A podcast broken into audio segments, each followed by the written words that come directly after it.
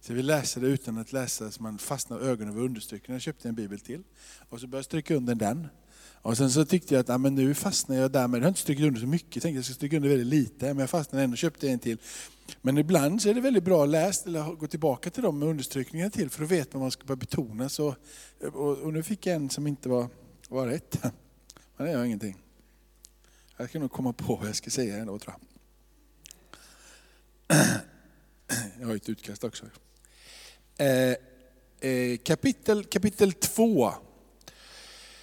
Eh, och det är ju Jesu mor, och far, styvfar som är på väg att bära Jesus i templet. Så står det så här. Och när tiden för deras rening var förbi, 40 dagar behövde en kvinna för att, för att bli ren.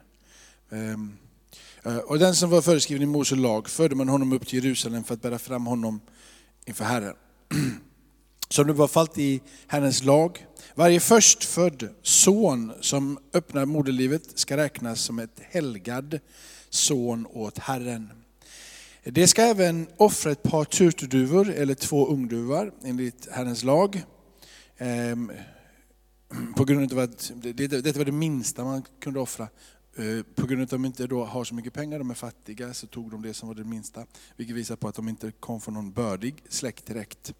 De var inte speciellt eh, rika helt enkelt. På den tiden fanns i Jerusalem en man som hette Simeon. Han var rättfärdig och gudfruktig och väntade på Israels tröst. Och den heliga ande var över honom och den heliga ande och av den heliga Ande hade han fått den uppenbarelsen att han inte skulle se döden förrän han hade sett Herrens smorde. Ledd av anden kom han till templet. Och när föräldrarna bär in barnet Jesus för att göra med honom som det var sed enligt lagen, tog han honom i sina armar, prisade Gud och sade, Herre, nu låter du din tjänare sluta sina dagar i frid, så som du har lovat.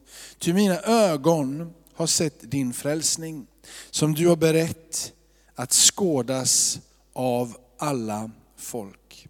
Ett ljus som skall uppenbaras för hedningarna och en härlighet för ditt folk Israel. Hans far och mor förundrade sig över det som sades om honom och Simeon välsignade dem och sade till hans mor Maria, se denna är satt till fall och upprättelse för många i Israel och till ett tecken som blivit motsagt. Ja, också genom din själ ska det gå ett svärd. Så ska det bli uppenbarat vad många människor tänker i sitt hjärta. Det fanns också en profetissa, Hanna, Tords flickvän, nej det var det inte. Fanuels dotter av Asas stam. Hon hade kommit upp i hög ålder och i sju år hade hon levt med sin man från den tiden hon var jungfru. Och hon var nu änka, 84 år gammal. Hon lämnade aldrig templet utan tjänade Gud med fastor och böner natt och dag. Just i den stunden kom hon fram, prisade Gud och talade om honom för alla dem som väntade på Jerusalems frälsning.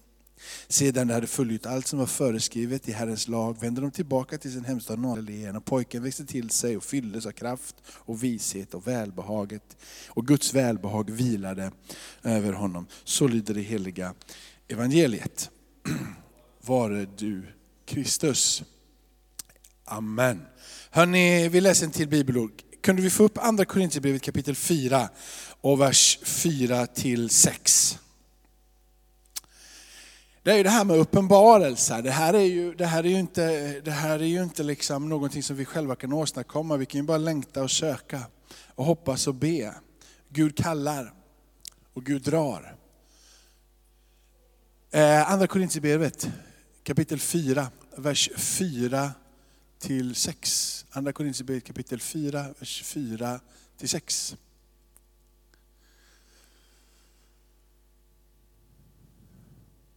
Jag har själv suttit på, på, på Avenyn som, eh, eh, jag vet inte, jag har nog fyllt 20. Men eh, suttit där och varit helt, helt förvirrad, helt blind. Fått uppleva Gud otroligt starkt första gången någonstans i 14-årsåldern. Så otroligt starkt så att, så att i en syn så ser jag himmelen öppna sig. Och jag ser någon som kommer ner med någon som är i en rullstol. För att sen resa den personen upp ur rullstol och gå tillbaka upp.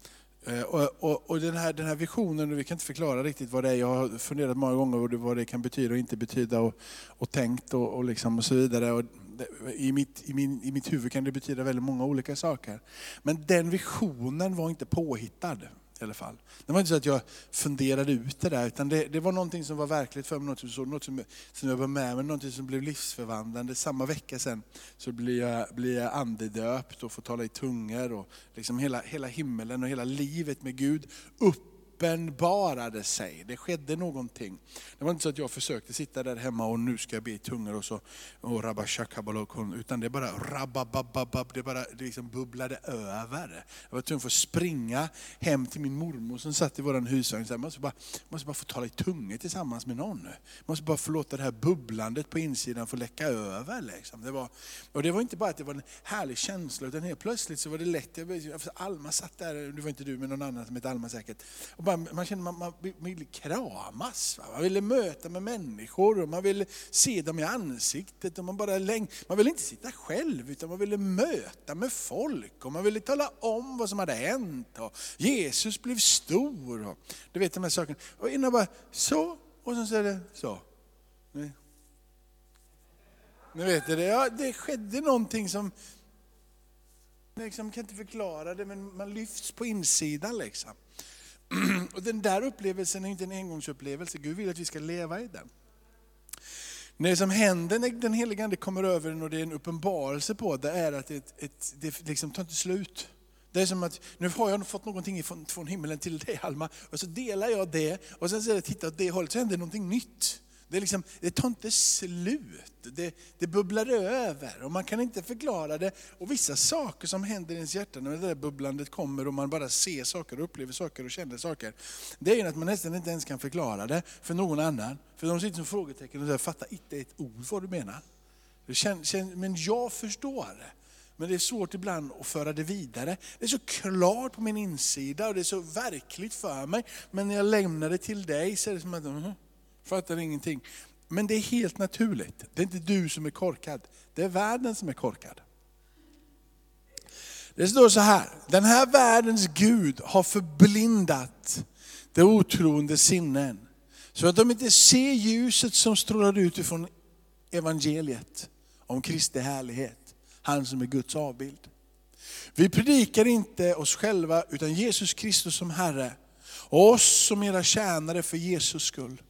Gud som sade ljus ska lysa ur mörkret.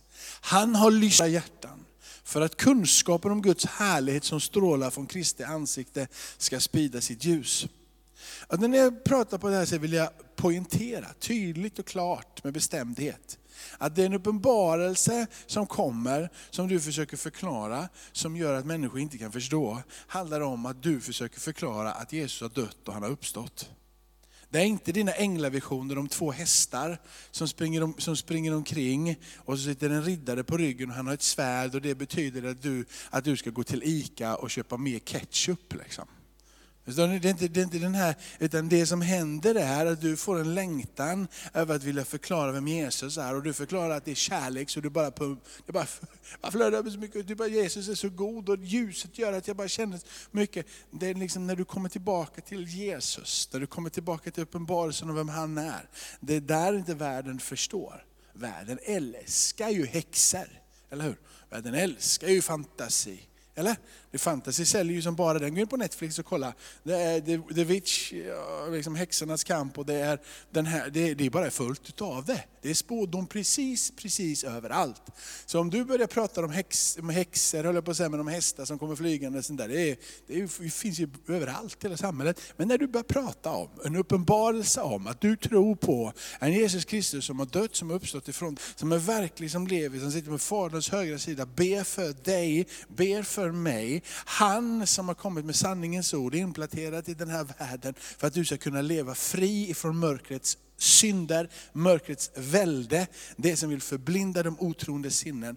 När du börjar tala klartext om vem Jesus är, så är det som att de säger äh. De förstår ingenting, men det är helt naturligt. Det är du och jag som ska sprida det här ljuset. Vi är kallade att på samma sätt som Jesus har blivit förklarad för oss, så ska vi förklara det visare. Han är det här ljuset som lyser i mörkret. Vi tar en bibeltext från första Johannes brev kapitel 1 och vers 57. Första Johannes brev kapitel 1, vers 57.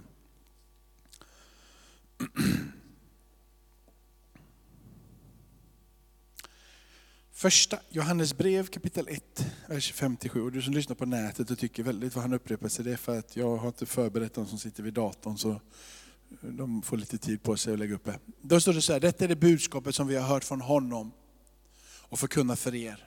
Att Gud är ljus och att inget mörker finns i honom. Om vi säger att vi har en gemenskap med honom och vandrar i mörkret så ljuger vi och handlar inte efter sanningen. Men om vi vandrar i ljuset, liksom han är i ljuset, då har vi gemenskap med varandra och Jesus, hans son.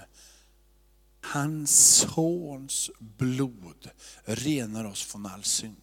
Så när vi börjar prata om ljusskimmer och vi börjar prata om ljusstrålar och vi börjar prata om liksom de här, så kommer det tillbaka till att du ska genom detta ljuset förstå att det är hans blod som renar oss från all synd. Nej, det här ljuset, det är liksom inte nu ska vi ha lite mindfulness här i vår klass, så ska vi söka ljuset. Utan det ljuset som Bibeln pratar om. Det som är omöjligt för den här världen att förklara. Det är att när det ljuset tränger in i ditt och mitt hjärta, så är det inte änglar och, och, och syner bara, utan det handlar om att komma tillbaka till det blod som renar. Att du förstår att den här världen ligger under mörkrets välde, vill styra dig bort ifrån korset, bort ifrån nåden, bort ifrån tron. Så du inte ska orka tro på helande, under och tecken skedda i Jesu namn. Att du inte ska tro att den heliga Ande ger gåvor så att du kan tala i nya tungor, profetera, kunskapsord, ord utav vishet, uppenbarelsens ande ska komma över de troende. Så att vi tror att han renar oss och att allting som Jesus har sagt, allting som är skrivet i hans ord ska bli implanterat i våra hjärtan. Att vi ska tro på vem han är. Hans blod renar. I den här berättelsen som är ifrån Lukas, så, så, så finns det fyra terror som kommer fram. Det är ett barn och det är Jesus, och det är inte vilket barn som helst. Men, men tänk att det är bara ett barn till en början med, så kommer vi till vem han är på slutet. Han är ett barn och han kan inte komma själv till den här platsen. Han blir buren av sina, sina, sina, sina föräldrar. Och ibland så tror jag vi behöver hjälp till att komma till platsen av uppenbarelse. Du behövs kanske för någon annan. Ibland så behöver du Alma bära Lukas, ibland behöver Lukas bära dig. Ibland så behöver vi gå ut på gatan och hämta någon och säga, du behöver det ljuset som finns i min församling. För där kan vi få se med egna ögon, inre ögon, att Jesu blod renar, att Jesu frälser. Vi behöver ibland ta dem in i gudstjänsten bära dem hit. Nästa personen som är, det är den andra typen av personlighet som finns i vår församling och finns runt omkring dig. Det är de här trogna nissarna. De som kommer hela tiden. Jesus och Maria, som följer regelbundet det som sägs. Och kanske är de tråkiga, de är alltid där, de finns alltid där. De ser till att allting händer. Och de, är liksom, de är inte där för att det är en stor eld i deras kyrka. Liksom. Utan de går dit på grund av deras tradition, för att lagen säger så. För att de vet att det är bra att följa Guds bud, för att de vet att kyrkan är någonting att ge. Kan du säga att det finns en viss typ av personlighet som blir buren till kyrkan. En annan personlighet som bara kommer, traditionellt, bara fortsätter att gå. Kanske inte ens går hem och är speciellt glad eller förändrad, men fortsätter troget och bara stå ut och stå ut. Sen kommer nästa lite mer spännande person som många av oss skulle vilja vara. Och det är han den här Simeon i den här texten. Han har både anden över sig och Gud har talat så att han har fått en uppenbarelse, så att han vet att innan han dör så ska han få vara med om att möta han som ska bli världens frälsare. Han har en sån stark tro på insidan att innan han flyttar hem innan han går vidare in i nästa del av livet, liksom, så ska han få se. Han som han nu tror ska befria hela Israel ifrån ockupation. Han ska alltså stiga in den här Jesua, Jesus, frälsaren, han ska stiga in och han ska kasta ut romarriket med en enda spark i röven och de ska lämna. Han tror på riktigt att han som ska komma ska etablera ett rike så Israel ska få tillbaka sina stordagar. Han har tro, de är, de är undanskyfflade. De har inte speciellt mycket längre, men han har tro på sin insida. Att när han kommer Jesus genom de här tempelportarna in i templet och han, ser, han ska få se honom. Den här stunden, den här dagen, så var han ledd av anden. Och vi längtar visst efter det, va? att vara, ha anden över oss, har ett tilltal ifrån Gud så vi vet att vi ska få vara med om någonting innan vi ens har fått vara med om det. Ledda just den här specifika dagen in för att möta du vet inte den där hästen som kommer ridande med någon riddare på ryggen och ett svärd.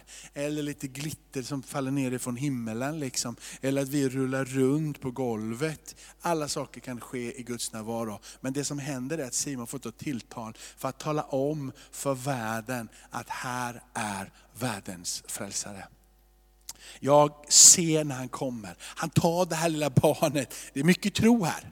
Det är fruktansvärt mycket. Han tror att det här lilla skrikande barnet ska bli den som ska förändra hela Israel. Han ska upprätta allting. Det är en krigsherre. Det är liksom eh, Napoleon och Alexander den store och alltihop i samma, i samma paket. Som kommer med två stycken fattiga Eh, liksom 20-åringar här, om de nu ens är 20, Josef och Maria, kommer in, de, de kan inte offra ordentligt utan de får ta det absolut minsta som lagen säger. Och de har nog inte speciellt ansenliga kläder med, men de är trogna i det de gör och går till den platsen de ska gå. De fortsätter att göra det, de har haft änglabesök innan så de är inte liksom bara sådär, de har haft en del uppenbarelser där. Men mitt när de kommer, bortanför allting som är helt rimligt, så ta den här Simon, den här lilla, lilla bebisen och bara säger det här är världens frälsare. Det är tro. Det är tro. Det är inte bara att jag sitter hemma med en uppenbarelse och sitter och väntar i hörnet, när ska det ske, när ska det ske? Han går dit, han tar tag i det och mitt i framför allihopa så lyfter han upp det här och säger, här är det. Och så kommer den andra personen här, profetissan, Hanna. Hon som lever i bön och fasta. Hon som är fast i templet. Hon som inte vill lämna templet. Hon som har varit gift, men sju år. När gifter man sig på den tiden? Någonstans man är 14 upp till 17-18. Eller hur? Det, det, var ju ofta där i alla fall, tidig ålder. Sen så har hon gift i sju år, nu har varit änka. Hon är 84 står det va? Jag kommer inte, står det 84? Vi läste. 84. Hon är 84 och 84 år nu. Låt säga mellan tummen och pekfingret någonstans att hon har varit änka i 60 år. Troligtvis så har hon levt i templet i bön och fasta i 60 år. Hon vet sin plats, hon vet sin roll. Hon har säkert profeterat många saker. Hon har säkert lyft upp många sanningar. Hon har säkert sagt många saker. Men idag så får hon säga det som hon har levt ett helt liv för.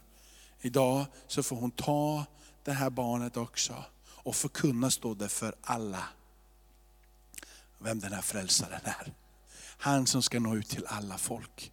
Han som ska nå bort, långt bortanför Israel. Han som ska bli frälsning till alla folk. Han som inte kommer stanna bara i en liten by i Israel eller inne i Jerusalem. Utan han som kommer tala om och frälsa hela världen. Han är där.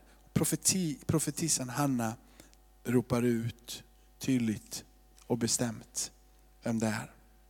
Det är fyra personer i den här, i den här berättelsen. Fyra karaktärer som skulle kunna säkert landa i någon av i oss här eller våra familjers liv.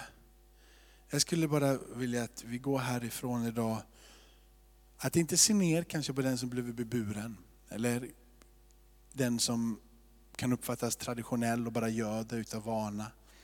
Eller se ner på den som kommer med höga uppenbarelser och pratar mycket om änglar och lovsång och bön och fasta. I den här berättelsen så behövs allihopa. I den här berättelsen så finns allihopa med. Alla typer som finns i en församling. Och Det intressanta är att den här texten är kopplad till just församlingen, Apostlagärningarna 2. Vi läser härifrån hur när de förkunnar frälsningen som Petrus gör, människor blir frälsta, så föds församlingen. Helt plötsligt så ser vi också i den här texten hur det kommer fram det som är vårt uppdrag. Att börja tala om först och vem han är och alla de saker som ska församlingen ska göra. Men det sker genom helande, under tecken och mirakler. Det är helheten, det är inte någon form av bara fin diakonal verksamhet. Församlingen har fått en uppgift och det talar om att världens frälsare är här, världens frälsare är riktigt. Han är det ljuset som tränger in i mörkret. Han är den som kan få mörkrets välde att falla bara genom ett enda ord eller en enda viskning. Det intressanta är, och det vi ska be för här när jag går in för avslutningen av min predikan, det är Gå till, gå till Matteus. Nu har jag sagt det här, för nu vill jag säga det jag vill säga. Det var det här ordet jag fick inför den här predikan.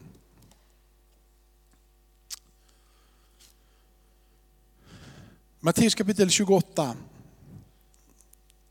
Det här, om det finns någonting som är ett profetord i den här predikan så är det det här. Från kapitel 16, jag läser ni till vers 20 och sen så går vi tillbaka till vers 17. De elva lärjungarna begav sig till berget i Galileen dit Jesus, Jesus hade befallt. Och när de såg honom tillbad de honom, men andra tvivlade. Då trädde Jesus fram och talade till dem och sade, jag har fått all makt i himmelen och på jorden. Gå därför ut och gör alla folk till lärjungar. Döp dem i Faderns, Sonens och den helige Andes namn. Och lär dem att hålla allt vad jag har befallt er. Och se, jag är med er alla dagar inte tidens slut. Det som är förundligt är att när Paulus refererar till dem som hade sett Jesus efter uppståndelsen, så säger han att det är mer än 500 personer i första Korinthierbrevet kapitel 15.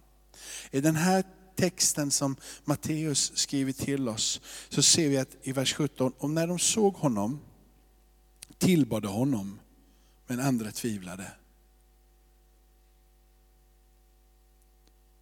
Ibland så är det så förunderligt hur man kan vara så nära Jesus, men ändå inte se honom så klart. Ibland förunderligt att vi kan säga sådana höga bekännelser ena dagen och nästa dag så fattar vi ingenting. Men Paulus säger att om de här mer än 500 personerna som har sett honom uppstånden från de döda. Han säger att om det är så här att du tvivlar på det jag säger till församlingen i Korint. Så ta och åk ner till Jerusalem. För det är många av dem som fortfarande lever. Och de om att det här är sant. I den här texten här så står det, och när de såg honom, alltså både de som tillbad och de som tvivlade. Båda två såg. Jag kan tänka mig att det är några av de här 500 än mer som är utav det här gänget. För det står att det är mer än 500 som har sett Jesus. Så det innefattas i de här. Mm, de här människorna äh, faller inte direkt ner och tillbar det här. De, de kände tvivel, de fattade inte. Vad är det här som håller på att hända? Men Paulus, när han säger till församlingen i Korint, så säger han, åk dit och möt dem. Det är som att han lägger en sån tilltro till uppenbarelsen, andens verk, andens närvaro. Att det som Gud har börjat att göra i en människas liv, stark tro ena dagen kanske, tvivel andra dagen. Men han lägger sån tilltro till det Gud har börjat göra, det Gud har börjat visa, det Gud har börjat bearbeta en människa. Då slutar han inte att bearbeta den människan. Paulus är så övertygad att han säger att det Gud har börjat göra, det ska han fullkomna. Han tar inte bara någon och så släpper han dem. Utan han säger, först, eh, första Galaterbrevet 1 och 7, att det han har börjat ett gott verk i oss, han ska fullborda det inte Jesus Kristi dag. Han ska fullborda det han har börjat göra. Paulus säger, gå och möt dem. Matteus återberättar bara vad han har sett och hört. En del tillbad direkt, de lyfte händerna upp till himmelen och de talade i tungosäkert, nej det gjorde de inte än, han hade inte följt. Men de prisade Gud i alla fall. Men anden hade börjat verka. Paulus var övertygad om att det verk som Gud har börjat göra, den uppenbarelsens ljus, den uppenbarelsen om vem han är, han börjat göra. Så ibland behöver vi bära människorna för att de ska få mer av det uppenbarelseljuset. Ibland behöver du bara vara trogen och bara fortsätta gå. Så får du vara med om märkliga ting. För profetissan Hanna och Simeon är mitt i gemenskapen i församlingen. Så den traditionsenliga personen som bara kommer för att man ska komma, kommer in i församlingen. Så finns det en Simeon där och en Hanna där. Som både kan profetera och tala ut sanningarna. Så även den som är traditionellt bunden bara, Få uppenbarelsens ljus och förståelsen om vem Jesus är. Vi behövs. Och låt oss tro att anden verkar. Amen. Tackar dig Fader i himmelen att vi får komma till den här platsen. Om igen bara påminna oss om vem du är. Jag är tacksam för att vi får följa de här texterna som ligger återkommande varje år, Herre. Så att vi får tala ut alla de texterna som kyrkan har uppfattat som viktiga för vår förståelse. Och idag pratar vi om det här ljuset, uppenbarelsen om vem du är, Herre. Så jag ber, tro på ditt namn att du ska verka med din Ande över våra liv.